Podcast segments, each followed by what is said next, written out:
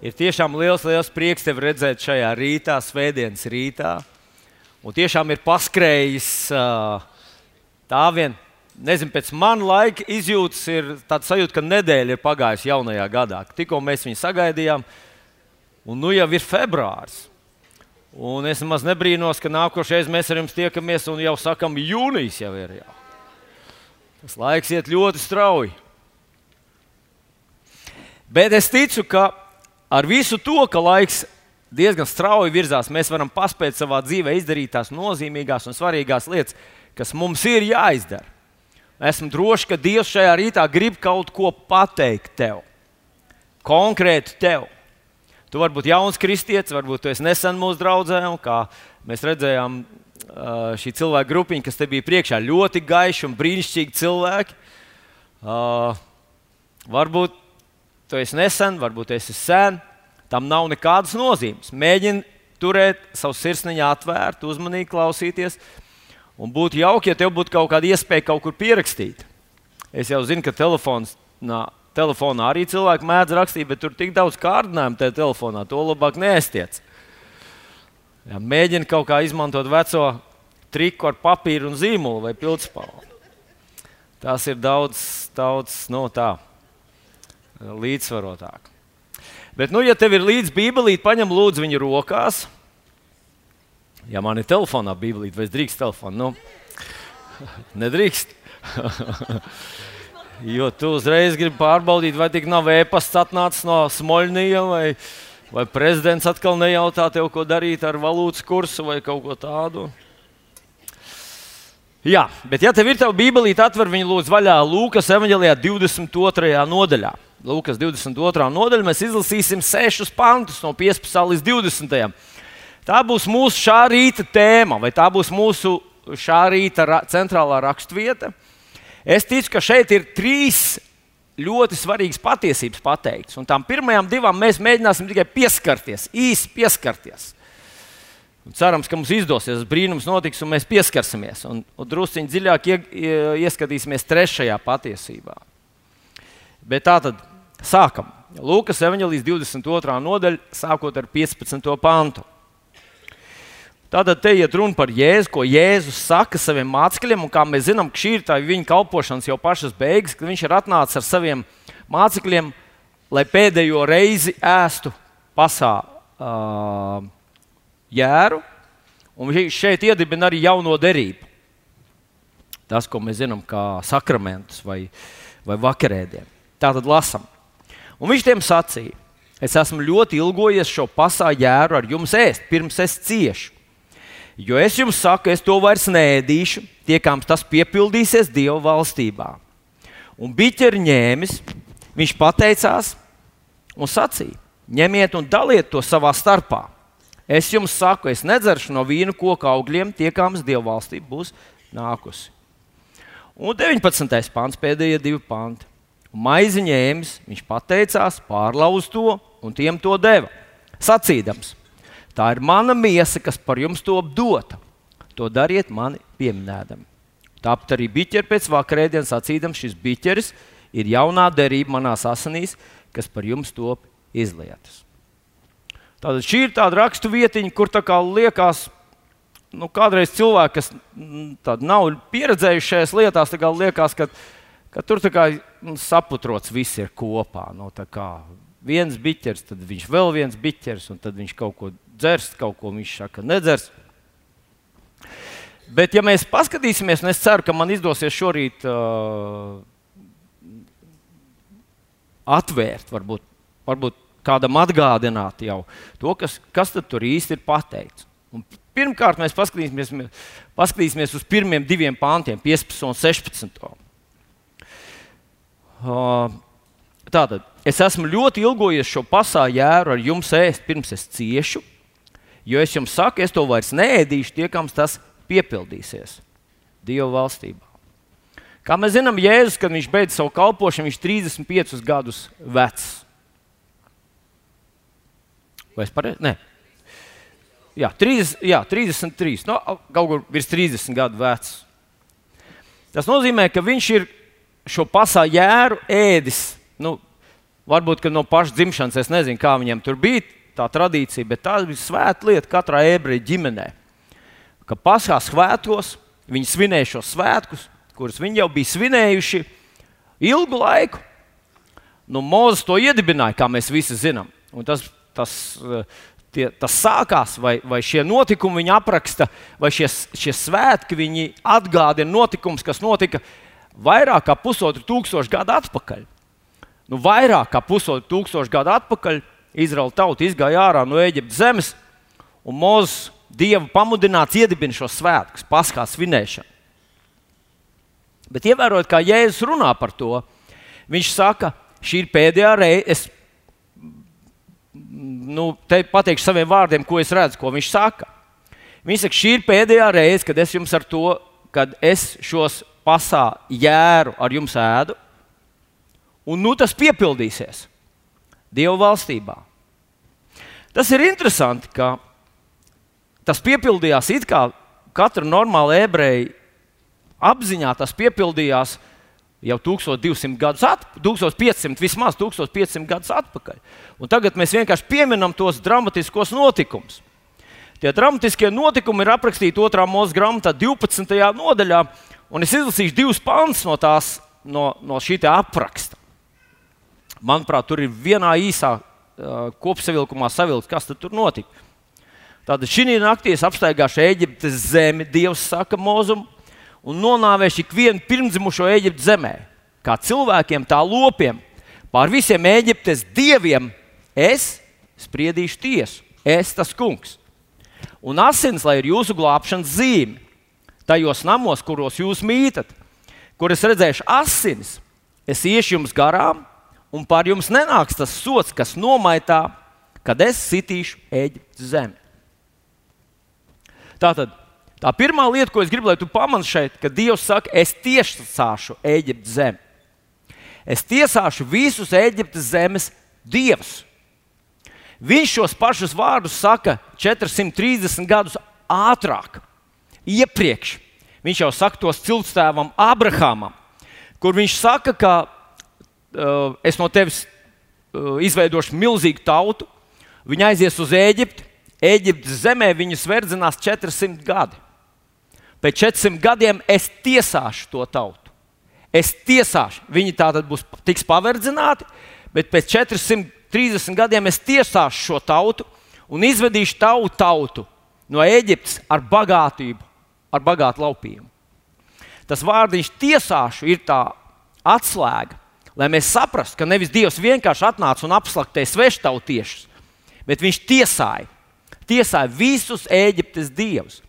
Un no visām tām desmit mocībām, kuras mēs nu, saistām ar Eģiptes visiem tiem dramatiskajiem, turbulentajiem notikumiem, katru reizi, katru reizi kad atnāca šī mocība, tā skāra kādu no Eģiptes dievestībām.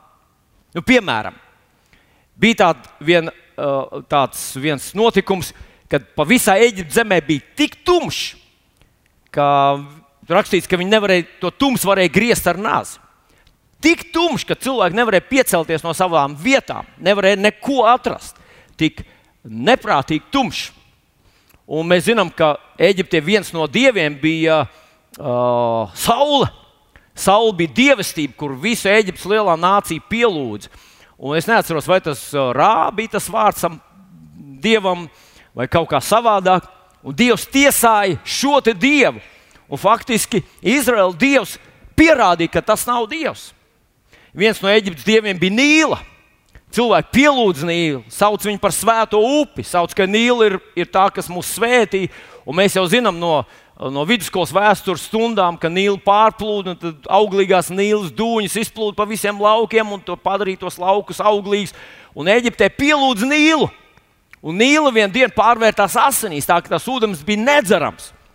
Tieši tā, katra, katra instance, katrs gadījums, kad Eģipte atnāca šī mocība, Dievs tiesāja vienu no Eģiptes elka dieviem. Un viens no Eģiptes elkiem, vai viens no Eģiptes arī dievestībām bija Fāraona pirmdzimtais. Pirmdzimtais bija dievestība. Fāraona vispār uzpat, uzskatīja par dievu uh, cil, uh, zemes virsū. Viņu pielūdza Eģiptes faraonu un tāpat faraona pirmdzimto. Un tad, kad Dievs atnāca, lai tiesātu Eģiptes dievus, un viens no tiem, kā tāds pēdējais, bija Eģiptes faraona pirmzimtais, un visi Eģiptes pirmzimušie, tad viņš saka šo te. Jums jānokauj tajā naktī jērs. Tas jērs ir jāizcep uz uguns. Ar viņa asinīm jāp, jāp, jāapslacina stenders un palodes, un jums jāpaliek tajā mājā. Ja jūs paliksiet tajā mājā, tad, tad kad es iešu garām, lai tiesātu Eģiptes dievus, es jūs izglābšu. Es jūs neskaršu, maitātās jūs neskars, jo šīs asinis, kā viņš saka, asinis, lai ir pazīšanas zīme, ka tiesa jums paiet garām. Izraēla tauta to ļoti uh, skrupulos centās ievērot. Un viņi skatījās atpakaļ toreiz, kad Dievs savā tiesā pagāja garām mums, lai gan mēs tāpat bijām pielūguši. Es ticu, ka ebreji tāpat redzot šo spēcīgo nāciju, Eģipti, pielūdz gan sauli, gan nīlu, gan uh, eģiptiešu visus tos citus dievus. Varbūt viņi nebija pirm, pirmajās rindās, bet viņi tāpat to darīja. Viņi bija uh, pelnījuši tieši to pašu tiesu. Bet Dievs viņus izglāba asiņu, šī asiņu dēļ. Un tagad Jēzus saka, ka Dieva valstībā tas patiešām piepildīsies. Tas līdz šim nebija piepildījies. Tas bija vienā reizē, vienā gadījumā tas bija. Un je, skatoties uz Jēzus vārdiem, faktiski viņš saka, ka visus tos 1500 gadus, kad viņš svinēja šo pasākumu, tie pasākumi norādīja uz priekšu. Un Jēzus saka, es pēdējo reizi ar jums to ēdu, jo tagad tas tiešām piepildīsies. Un mēs zinām, kā tas piepildījās. Tas piepildījās tad, kad Dieva dēla Jēzus Kristus, Dieva jēra asins, apsedz mūs, un tiesa mums pagāja garām.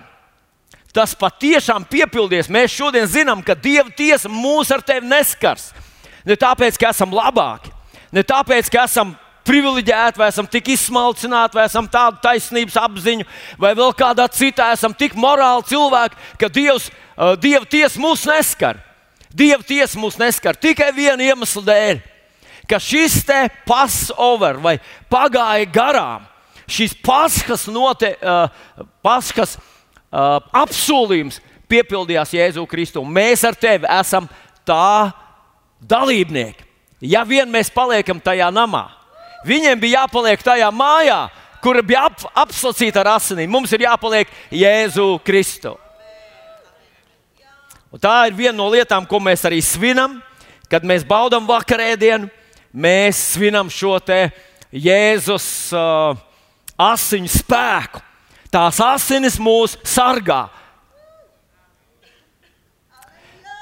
Un apelsīns Pāvils to saka kolosiešu vēstulītē, 2. nodaļa, 14. 15. pāns, ļoti dziļi, stipri panti, kur viņš saka, ka viņš izdeldēs pret mums vērsto parādu rakstu. Bija tavu grēku parādu raksts ar visām prasībām, ko tu esi nopelnījis. Viņš to ir izdeldējis, izdeldējis, iznīcinājis. Viņš ir to likvidējis, viņš ir to uh, iznīcinājis. Tāda vairs nav! Halleluja! Viņš ir to paņēmis no mūsu vidus, pienaglojis pie krusta, pie krusta tika pienaglots ne tikai tavs mesija un glābējs aizvietotājs Jēzus Kristus, bet tavs grēku saraksts. Viņš tur bija pienaglots. Un tālāk mēs, es nevaru to uzlikt, uz, nevarēju uzlikt to uz ekrāna, bet tālāk viņš saka, ar to viņš atbruņojas visas pretvaras, tās atklāt kaunā likdams un Kristus uzvar zinājums par viņām.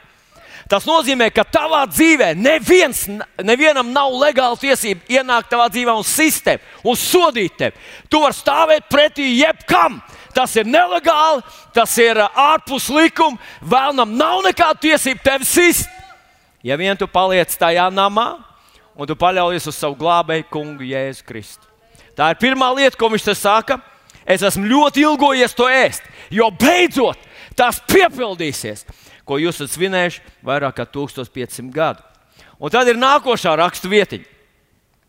Lūkas evanģēlijā 22. nodaļā, 17, 8. pāns, 17, 18. Un biķerņēmis viņš pateica, viņš pateicās un sacīja: ņemiet un daliet to savā starpā. Es jums saku, es nedzeršu no šīm vīnu koku augļiem, tiekams Dieva valstība būs nākusi.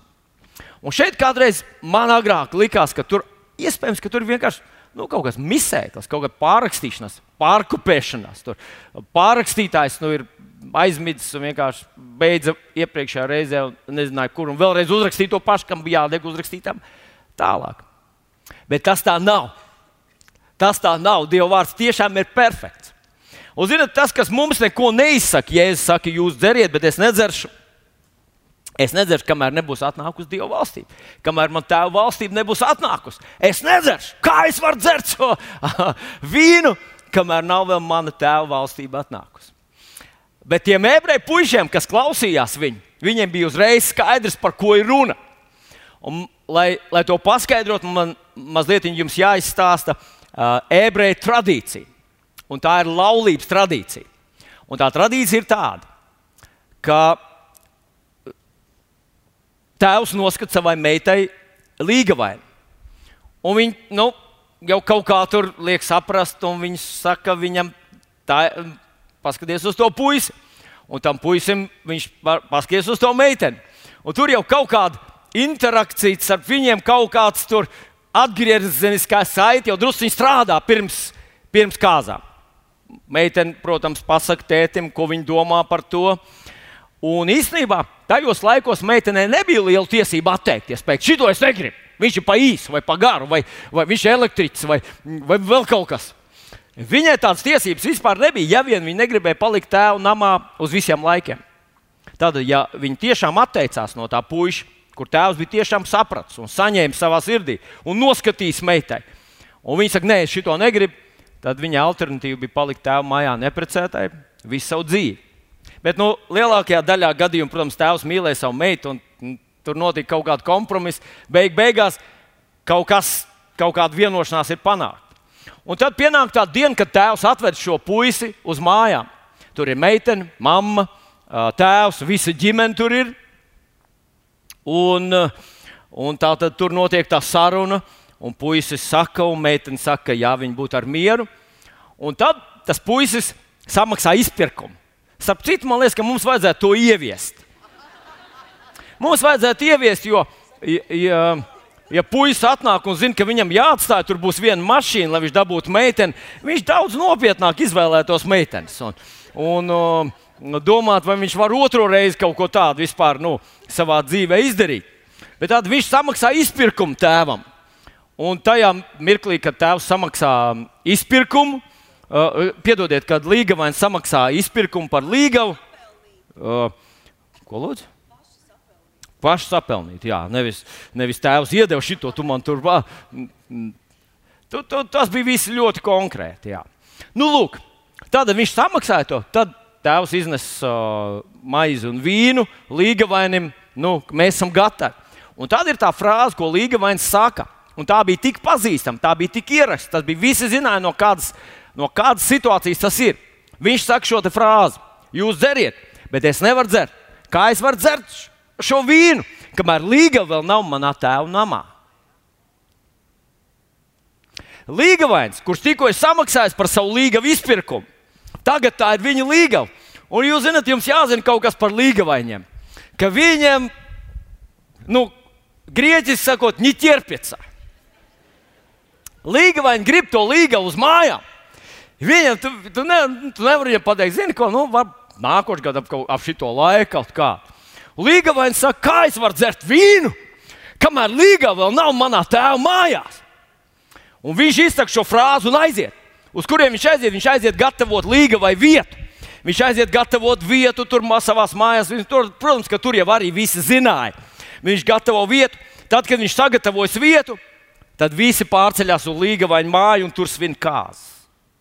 Bet es gribu, lai jūs iedomājaties, kā jutās tā līga, ka tagad par viņu izpirkums tiek samaksāts, un līgavains saka šos vārdus. Kā es varu dzert vīnu, ja man līga nav vēl man tēva mājās? Un viņš aiziet, gatavot vietu. Kā jūs domājat, kā jutās līga? Jūs zināt, es domāju, līga tajā mirklī sāk justies kā ciemos savā tēva mājās. Jo viņi zināja, kuru katru dienu Tas var notikt kuru katru dienu. Mans līgavains grib mani paņemt pie sevis. Es pavisam drīz dodos prom. Un varbūt viņa mazgāja trauks, bet viņa zināja, ka tie nav viņas trauki. Varbūt viņa tur mazgāja istabu, kaut ko kārtoja saimniecībā, piedalījās savu tēvu biznesā, jo toreiz viss biznesa bija ģimenes biznesa. Viss ģimene, ja tēvs ar kaut ko nodarbojas, viss ģimene ar to nodarbojas, visi to atbalstīja, visi bija tajā iekšā. Viņi zināja, ka šeit viņas dienas ir skaitītas. Un viņi jau domāja savā iztēlē, es domāju, es neesmu bijis nekad meitene, bet esmu dzirdējis, uh, jā, paldies Dievam, ka tā, uh, esmu dzirdējis no savas meitas. Nu, viņas stāstiem, ka viņi izdomā savā prātā jau visu to ainu uzbūvēt simtām reižu pirms tas notiek. Nu, lūk, un šī līgava, es ticu, ka viņi jutās tieši tā. Faktiski Kas tad bija šis kauss, ko viņš iedzēra šeit? Pasniedz saviem mācekļiem, teica, es to nedzeršu. Tas bija kauss, esiet gatavi doties. Viņš sacīja to saviem mācekļiem: Hei, kā es varu dzert ar jums vīnu, ja jūs vēl neesat manās mājās? Jūs vēl neesat man tēva mājās. Wow! Faktiski viņš sacīja katram no tiem, tādā veidā viņš sacīja katram no tiem mācekļiem, es gribu, lai tu esi pie manis. Es gribu Pēter, lai tu esi pie manis. Es gribu Jānis, lai tu esi pie manis. Es gribu Līga, lai tu esi pie manis. Es gribu Vilni, lai tu esi pie manis. Paskatieties, ko viņš saka Jāņa Evanģelē 14. nodaļā. Jūsu sirds, lai neizbīstas. Ticiet Dievam, ticiet man, man tēva namā ir daudz mājokļu. Ja tas tā nebūtu, vai es jums tad būtu teicis, es noēmu jums vietu sataisīt? Faktiski viņš to sacīja katram no mums. Hei, man tēva namā ir daudz māju, ja Dievs saka daudz. Interesanti, ka viņš par tautām saka, ka tas ir piliens pie spaiņa. Bet par savu tēvu māju viņš saka, tā ir tāda māja, kur ar tik daudz vietas es aizēju tev vietu sagaidīt. Sataisīt. Viņš saka, Vilni, Vilni, es aizgāju tev vietu sataisīt. Līga, vai es tev būtu teicis, ka es aizēju tev vietu sagaidīt? Sataisīt, ja tur nebūtu vietas. Bet paklausieties vēl. Jēzus pirms pašas, pirms pašas aiziešanas no šīs zemes, viņš lūdza savu lūgšanu. Un tā ir tāda lūkšana, nu, kuru mēs citējam. Tā ir viņa ticības lūkšana, tie pēdējie vārdi, kurus viņš pasakā gandrīz vai uz zemes savam tēvam. Un paklausieties, ko viņš saka savam tēvam. Jā, ņemiņā 17. nodaļā, 24. pantā. Viņš saka, Tēvs, es gribu, lai kur esmu, es esmu, arī tie ir pie manis. Tie ir tie vārdi, kurus līgavains atnākot mājās savam tēvam, kad viņš ir samaksājis izpirkumu par savu līgavu, saka savam tēvam, Tēvs, es gribu viņu, es gribu viņu mājās. Man, man ir ķerpieca, nu es nevaru. Es, es, Es būtu daudz labāks strādnieks, es būtu daudz labāks dēls, es būtu daudz labāks viss, ko tu no manis gribi, ja man līgava būtu šeit. Un tēvs saprot, hei, viņam, viņam, viņam viss sirds ir tur projām jāved mums to līgavu mājās, lai miers. Padomā, Jēzus šajos vārdos saka, Tēvs, es gribu, lai vilnis ir pie manis, lai viņš redz, kur es esmu, lai viņš redz to skaidrību, kāda man ir. Jūs zināt, kas notiks, kad mēs redzēsim viņu? Bībelē saka, ka mēs tiksim pārvērsti viņa paša līdzjūtībā, kad mēs ieraudzīsim viņa godību. Atcerieties, Mozus mazliet viņa redzēja, un viņa sejas ādu spīdē, kad mēs redzēsim viņu. Wow! Mīļais draugs, faktiski Jēzus ar šo biķeri pateica mums visiem, hei, es aizgāju tev vietu sataisīt, un es gribu, lai tu esi tur, kur es esmu, lai tu redz manu skaidrību, lai tu esi ar mani. Tam vajadzētu likt mums justies tā, it kā mēs šeit esam ciemos. It kā labi mēs lietojam šo pasauli, kā Pāvils saka, bet mēs nelietojam reizē. Mēs mazgājam trauks, mēs pērkam mājas, mēs lietojam kaut kādus un iegūstam kaut kādus īpašumus un kaut kādus resursus šeit. Bet tajā pašā laikā mēs zinām, ka viņš mums gatavo vietu un viņš grib. Zinat, viņš grib, lai visi cilvēki ir glābti, bet viņš grib, lai es pārceļos pie viņa, lai tu pārcelies pie viņa. Man liekas, viņš gribētu, lai mēs, kā Lūkas evanģēlijā uzrakstīts 12. nodaļā, lai jūs gurni ir apjost, jūs lāpas lai deg. Esiet līdzīgi ļaudīm, kas gaida savu kungu no kāzām pārnākam, lai to daļu varētu durvis atvērt, kad tas nāks un klauvēs. Un, zinot, pirmie apstuļi pirmā agrīnā draudzene tieši tā arī dzīvoja. Viņi nepiesējās un nepieķērās tām lietām.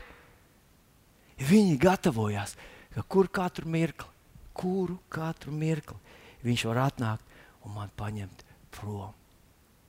Un, protams, nākošā lieta, ko Jēzus tūdaļ dara, kad viņš dod viņam dzert no šī kausa, esiet gatavi. Kas tā ir? Tā ir Lūkas evanģēlijā 22. nodaļā, 19. un 20. pāns. 19. pāntā viņš saka tā. Un maizi ņēmis, viņš pateicās pārlaust tiem to devu, sacīdams, tā ir mana miesa, kas par jums to dod. Tas ir tas izpirkums. Par tevi ir samaksāts izpirkums. Par tevi jau ir samaksāts izpirkums. Par tevi jau ir samaksāts izpirkums. Augstākā cena, kādu vien Dievs varēja par tevi samaksāt, viņš samaksāja. Tev nekas vairs netur pie šīs pasaules. Iebiks tam, kurš sēž tev blakus, viņš par tevi runā. Pasaka, viņš par tevi runā. Bet palasām vēl mazliet tālāk. Tātad, 19. pāns. Maiz ņēmis, viņš teica, pateicās, pārlauz tiem to devu, sacīdams, tā ir mana miesa, kas par jums to dota, to dariet mani pieminēta. Un 20. pāns. Tāpat biķeri pēc vakarēdienas sacīdams, šīs biķeris ir jaunā derība manā asinīs, kas par jums top izlietas. Šis biķeris ir jaunā derība. Šajā mirklī viņš pasludina jaunu derību. Vecajā derībā tas tika pravietots, tika runāts, ka vienā dienā sāksies jauns laikmets, pilnīgi jaunas lietas, jauni noteikumi, jauna kārtība. Ir tāds moderns vārds, jauna paradigma. Viss pamatnoteikumi, viss problēmu uztver, problēmu risināšanas uh, metodas mainās no šīs dienas. Paklausieties, mīļais draugs! Jēzus pasludināja, pilnīgi jauna laikmeta, jauna sistēmas sākuma. Un ļoti svarīgi, ka mēs ar tevi to saprotam, ko tas nozīmē. Un man šodien gribētos apgalvot, ka izmainījās viss. Nu, paskaties, Lūkas evanģēlijā 16. nodaļā, 16. pāns, kā viņš, kā viņš apraksta to, šīs pārmaiņas. Jēzus runā šos vārdus. Bauslība un pravieši valda līdz Jānim kopš viņa laika tiek pausta Dieva valstība, un ik viens ar spāru laužas tajā iekšā. Viņš saka, ka bauslība un pravieši valdīja līdz Jānim. Kopš Jāņa laika kaut kas mainās. Viņš saka, ka šobrīd vajag spāru. Kādā vienkāršotā tulkojumā bija, ka tie, kas pielieto piepūli, tie to iegūst. Tie ieiet tajā Dieva valstībā. Un es uzdrošinos apgalvot, ka viņš saka, līdz šim tas tā nav bijis. Kā tas bija līdz šim? Nu, jūs visi, kas esat Bībeles pazinēji, jūs noteikti, noteikti man piekritīsiet, ka līdz tam bija drusku atšķirīgi. Nu, es teiktu, vecās derības uh, paradigma pret jauno derību. Un, zinat, jūs, protams, varat simtprocentīgi man nepiekrist, bet es gribu tikai šo domu iesēt tavā dvēselītē, lai tu par to padomā. Jo vecā derība lielā mērā bija pasīva derība.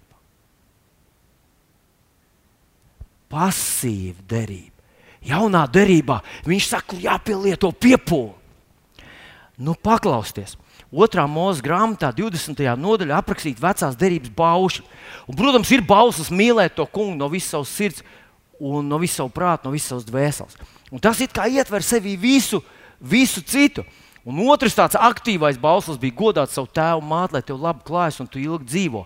Bet paklausies, es tikai atgādinu, kādi bija visi citi pārējie. Piemēram, tev nebūs citus dievus turēt manā priekšā. Tev nebūs. Netaisi velk tēlu. Tev nebūs darīt to un to. Nezemojies to priekšā. Tev nebūs tā kungs savu dievu vārdu nelietīgi vēl. Tas viss tā kā nedara. Nedari. Vienkārši nedari. Tev nebūs nokaut, tev nebūs laulība pārkāpt, tev nebūs zakt, tev nebūs nepatiesa liecība dot pret savu tuvāko, tev nebūs iekārot savu tuvākā namu, tev nebūs iekārot sievu, kalpu, vērsi. Tad nebūs, nebūs, nebūs. Nedari, nepielūdz. Tā kā lielā mērā viņu var asociēt ar tādu pasīvu pozīciju. Protams, mēs ar tevi lasām praviešus un Dāvidu. Mēs sakām, nē, paskatieties, vecajā derībā viņi tur cīnījās un viņi tur paklausties. Jā, jā. À, nu tie, tie, kurus mēs pieminam, tie jau ir, tas jau ir cits, drus, drusciņš cits laiks, tas bauslības laiks, un tomēr tas ir apsolītās zemes laiks. Paklausties! Bet es gribu salīdzināt Eģiptu ar apsolīto zemi. Atcerieties, kā Eģiptē notika visas tās lielās, turbulentās, tās, tās nu, dramatiskās pārmaiņas. Kā viņas notika? Izraela tauta, ko darīja? Neko. Pamatā viņi vienkārši sēdēja savā mājās. Tas, tā jau ir kulminācija, kad viņiem teica, paņemt nokaut jēru un apēst. Vakarēdienā, ko mēs domājam, ka viņi ēd maizi un vīnu, viņi ēd jēru un tās asins slacīja uz palodām un durvju uh, stenderēm. Bet viņi pamatā neko nedarīja. Tā bija tā tāda pasīva pozīcija. Dievs mūsu vietā tur cīnās. Un Mozus. Mozus tajā laikā bija starpnieks ap Dievu un cilvēkiem. Jaunajā derībā mēs varētu asociēt jauno derību ar apsolīto zemi. Jūs taču atceraties, kad viņi aizgāja uz apsolīto zemi. Ko Dievs teica Jozom? Ko viņš viņam teica? Ņemiet, tā zeme ir jūsu. Esiet stipri, esiet droši. Visur, kur jūs noliksiet savus kāju pēdus, visur, kur jūs aiziesiet, kur jūs iekarosiet, es esmu jums to devis. Dievs viņiem to iedod, viņi nebūtu varējuši to bez Dieva paņemt, bet tajā pašā laikā Viņš viņiem saka, hei, tas ir jūsu ziņā, ņemiet, cik jūs gribat.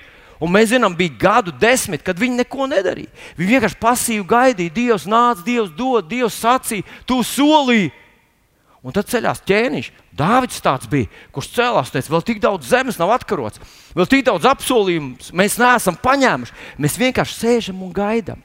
Mīļie draugi, jūs varat man nepiekrist, bet es gribētu asociēt veco derību, vecās derības bauslības noteikumus ar tādu spēli, kur mēs visi zinām un visi kādā, kādreiz esam spēlējuši. Es gribētu to asociēt ar paslēpēm. Kurš zina, kas ir paslēpes? Ļoti labi. Paslēpēs ir kas? Paslēpēs ir kāds mirklis, ka tev ir jābēg. Pareizi? Kāds tur skaita, un tad tas mirklis, ka tev ir jābēg. Un, ja tu aizbēgs gana tālu un paslēgsies ļoti labi, viss, kas tev jādara, ir kas? Klusu jāsēž un jāgaida. Un iedomājieties, ja tu labi esi paslēpies, tu būsi veiksmīgs paslēpies, jo tevi neatradīs, un tu būsi nu, sasniedzis visu, ko tu savā dzīvē vari sasniegt. Bet jaunā derība, ar kādu spēli mēs varētu salīdzināt jauno derību? Es savā prātā sāku funkcionēt. Kā varētu izskatīties jaunās derības noteikumi, kuros mēs ar tevi dzīvojam, jaunās derības apsolījumi? Kādi tie būtu? Ar kādu spēli tos varētu salīdzināt? Ar kādu spēli tu salīdzināt to situāciju, kurā tu un es atrodamies, ja tā nav pasīva sēdēšana. Redzat, daži no mums atnāk uz dievkalpojumu, vēl aizvien mēs esam pasīvi. Mēs it kā dzīvojam tajā paslēpju paradigmā. Atnāc, apsēdies, un tad tu lēnām sāc mosties. Pareizi. Uz dievkalpojumu vidu ap sēšanas laiku tu esi pamodies jau. Un, un, un tad nu, tad atkal varbūt, uh, ir, ir atkal tāds mirklis tādam dreifam un refleksijai, un tu domā, kā mājā, un ko tu ēdīsi, kur ēdīsi, un tā tālāk. Bet tā tas nedarbojas. Un tas ir tas, ko es gribu, lai to šodien paņem, ir mainījušies spēles noteikumi. Un, zinot, es nonācu pie šī parauga. Mēs tūlīt jums parādīsim nelielu video. Viņš ir drusku vairāk kā 4 minūtes. Kurš, manuprāt, lieliski ilustrē apstākļus, situāciju, mūsu līdzjutējs, jo Bībelē saka, ka mums ir līdzjutēji debesīs, kas visi mums skatās līdzi, atbalsta, viņi gaida, kad tu vienreiz sāksi rīkoties. Paklausieties, tas ir tikai viena sporta veida uzvara. Jau sēna uzvara, 14 gads, bet cik daudz tajā ir emocijas Es domāju, ka katrs vīrietis sajūt kaut kādu vibrāciju, kaut kas, kas rezonē tevī. Kurš mums teica, ka mūsu kristietība ir tāda pasīva gaidīšana, kad mēs sēžam ierakumos un gaidām, lai Dievs kaut ko izdara, ko Viņš ir solījis? Ka īstenībā tā pilnīgi ir kaut kas pilnīgi pretējs. Jā, mums ir pretinieks. Jā, tas brīžiem ir ļoti grūti. Jā, brīžiem nemaz negribas iet un cīnīties. Un spiediens ir nenormāls, risks ir liels.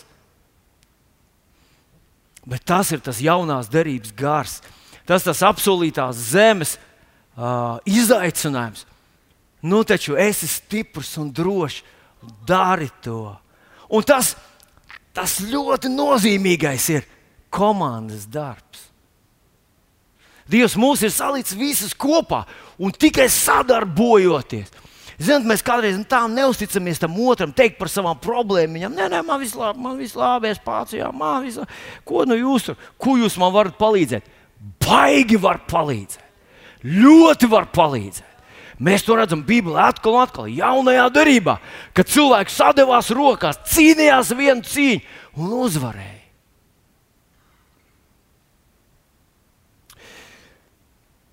Regbijs ir komandas sporta spēle, kuras mērķis ir piezemēt ovālu bumbu aiz pretinieku vārtu līnijas vai iesist to vārtos virs pārliktņa. Tu pat nevari sist to par zemi. Ovāla bumba ir ārkārtīgi nērti. Uh, dzīt pa zemi, nevar paredzēt, uz kur pusi viņa leks. Bet redzēt, kā tas puisis prasmīgi izmantoja. Viņam sanāca, un tā bumba norēģēja pareizi, uzlēc gaisā, viņš viņu saķēra. Un tajā spēlē ir atļauts spēka paņēmieni ar cīņas sporta elementiem. Mēs savu dēlu negribētu sūtīt regbijā, jo tas taču ir tik riskanti. Mēs gribam, lai viņš zīmē zīmēšanu vai violi spēli. Bet es domāju, ka katra puikas asins vārās, kad viņš skatās kaut ko tādu. Mūsos visos tas ir iekšā, un meitenēm arī tas esot. Es ticu, ka garīgi, mīļie draugi, ka garīgi mūsos tas ir. Mums tikai kāds iestāstīja, ka viss, kas mums no mums jādara, jānotupjas kaut kur pažobelē un jāgaida, lai Dievs to izdara tavā vietā.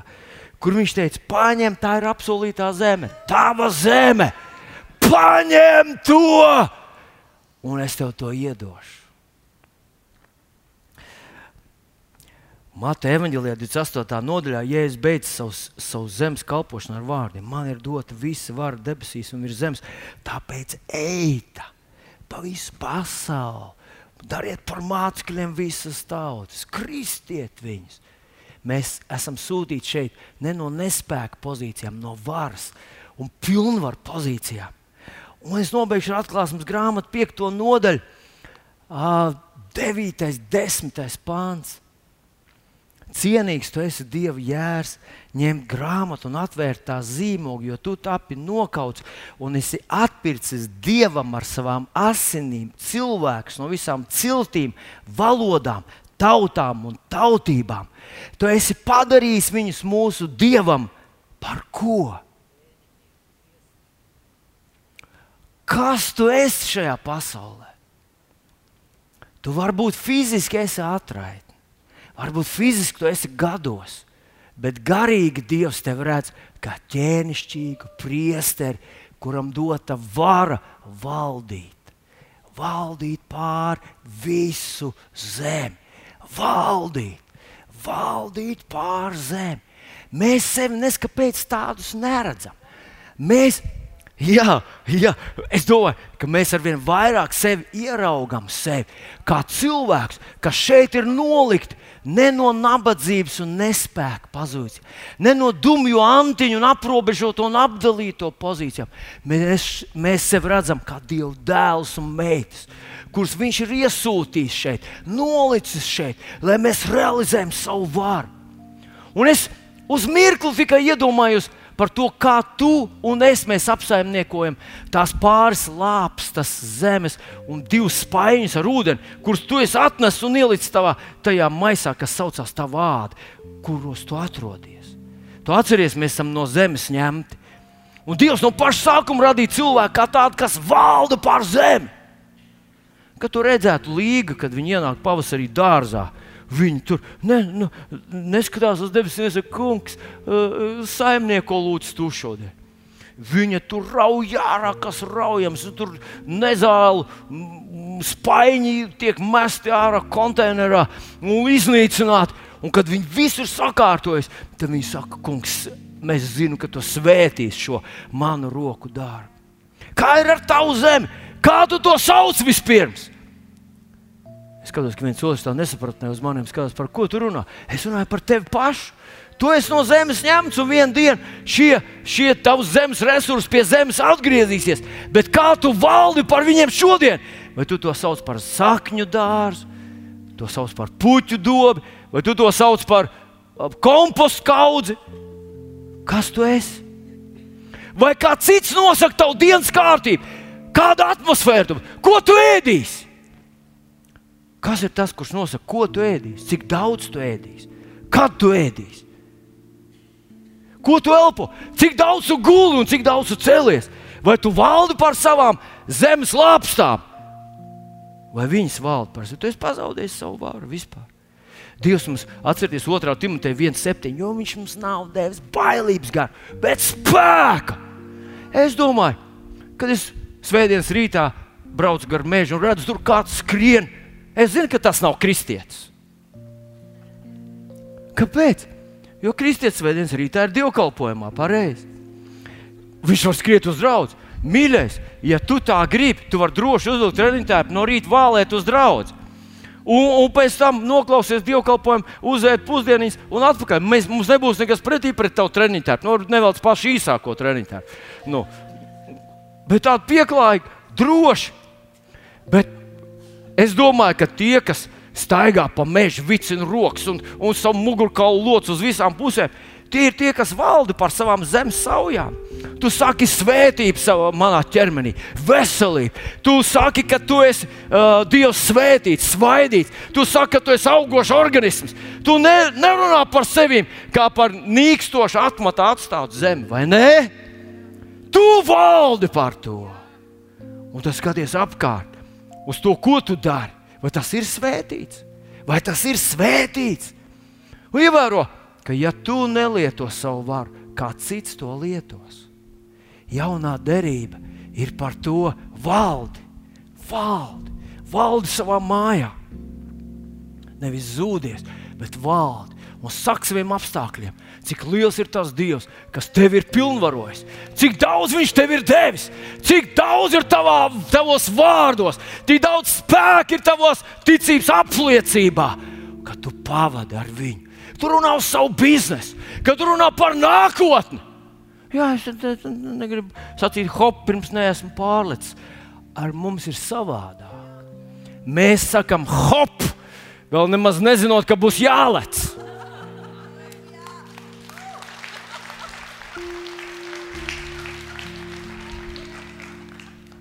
Tas ir tas, ko apstuļi saka. Dot saviem kalpiem drosmi, runāt savus vārdus, dot saviem kalpiem runāt drosmi par saviem bērniem.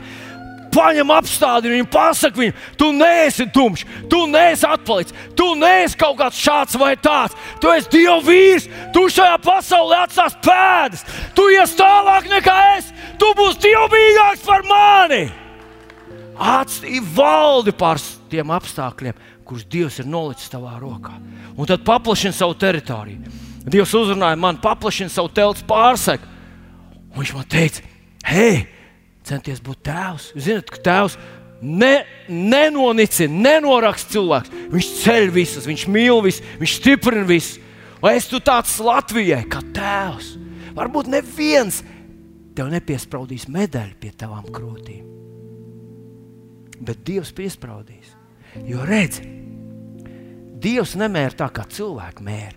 Mēs domājam, ka Dievs mēra pēc tā, cik daudz naudas, vai cik daudz laiku tev ir, cik daudz cilvēku tev respektē, ievēro. Bet Dievs mēra pēc tā, vai tu dari to, ko Viņš tev sacīja. Un, ja tu dari, un es uzticams tajā, ko Viņš tev sacīja, tu stāvēsi ar kausu augšā un apkārt auros eņģeļu miljonu. Eņģeļu miljonu. Tur būs Pāvils, Pēters, visi jēkabs, tur būs Mozus, tur būs Jeremija, tur būs Dāvids, tur būs visi tie varoņi, kas savus dzīvības nes, ne, eh, ne, nežēloja. Darīja, ko Dievs grib, lai tu izdari. Es šodien izaicinu tevi, draugs, ka tu pēc mirkli iznāks ārā no savas vietas, dzert no tā kausa. Tas kaus nav vienkārši tāda mistiska, reliģiska baznīcas padarīšana. Tas ir kaut kas, kas tev saka, tu esi jaunā derībā. Tu esi apveltīts ar varu. Tu esi izsūtīts šajā pasaulē, debesis ir aiz tevis, spiediens ir liels, grūtības ir. Bet kas tā būtu par uzvaru, ja viss būtu vienkārši ļoti viegli? Jaunieši sāk no paša sākuma un noskriet līdz galam. Jūs zināt, es neesmu tālu, neesmu savā dzīvē bijis perfekts. Tālu no perfektuma.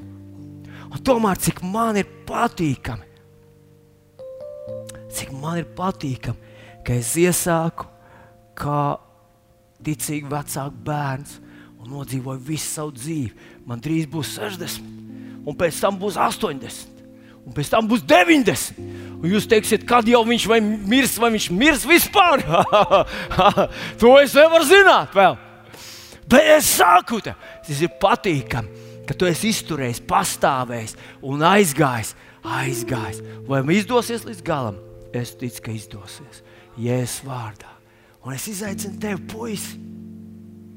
Es izaicinu tevi, varbūt tu esi jauniņš pavisam. Tu vari jau tagad iet varoņu ceļu. Tas nebūs viegli. Vieglāk ir kļūt par to baru, kas tavā klasē varbūt dara visi vien. Smējās visi par vienām lietām. Visi piekop viens netikums. Un tu atšķiries no tā pūļa un ej savu ceļu. Oh, kā tas palīdzēs tev vēlāk? Un palīdz pārējiem. Tu zini, cik daudz ap tajā barā skatās te un domā, huh, tai gan ir iekšas. Es arī gribētu būt, vai tam ir iekšas es arī gribētu būt tāds pats.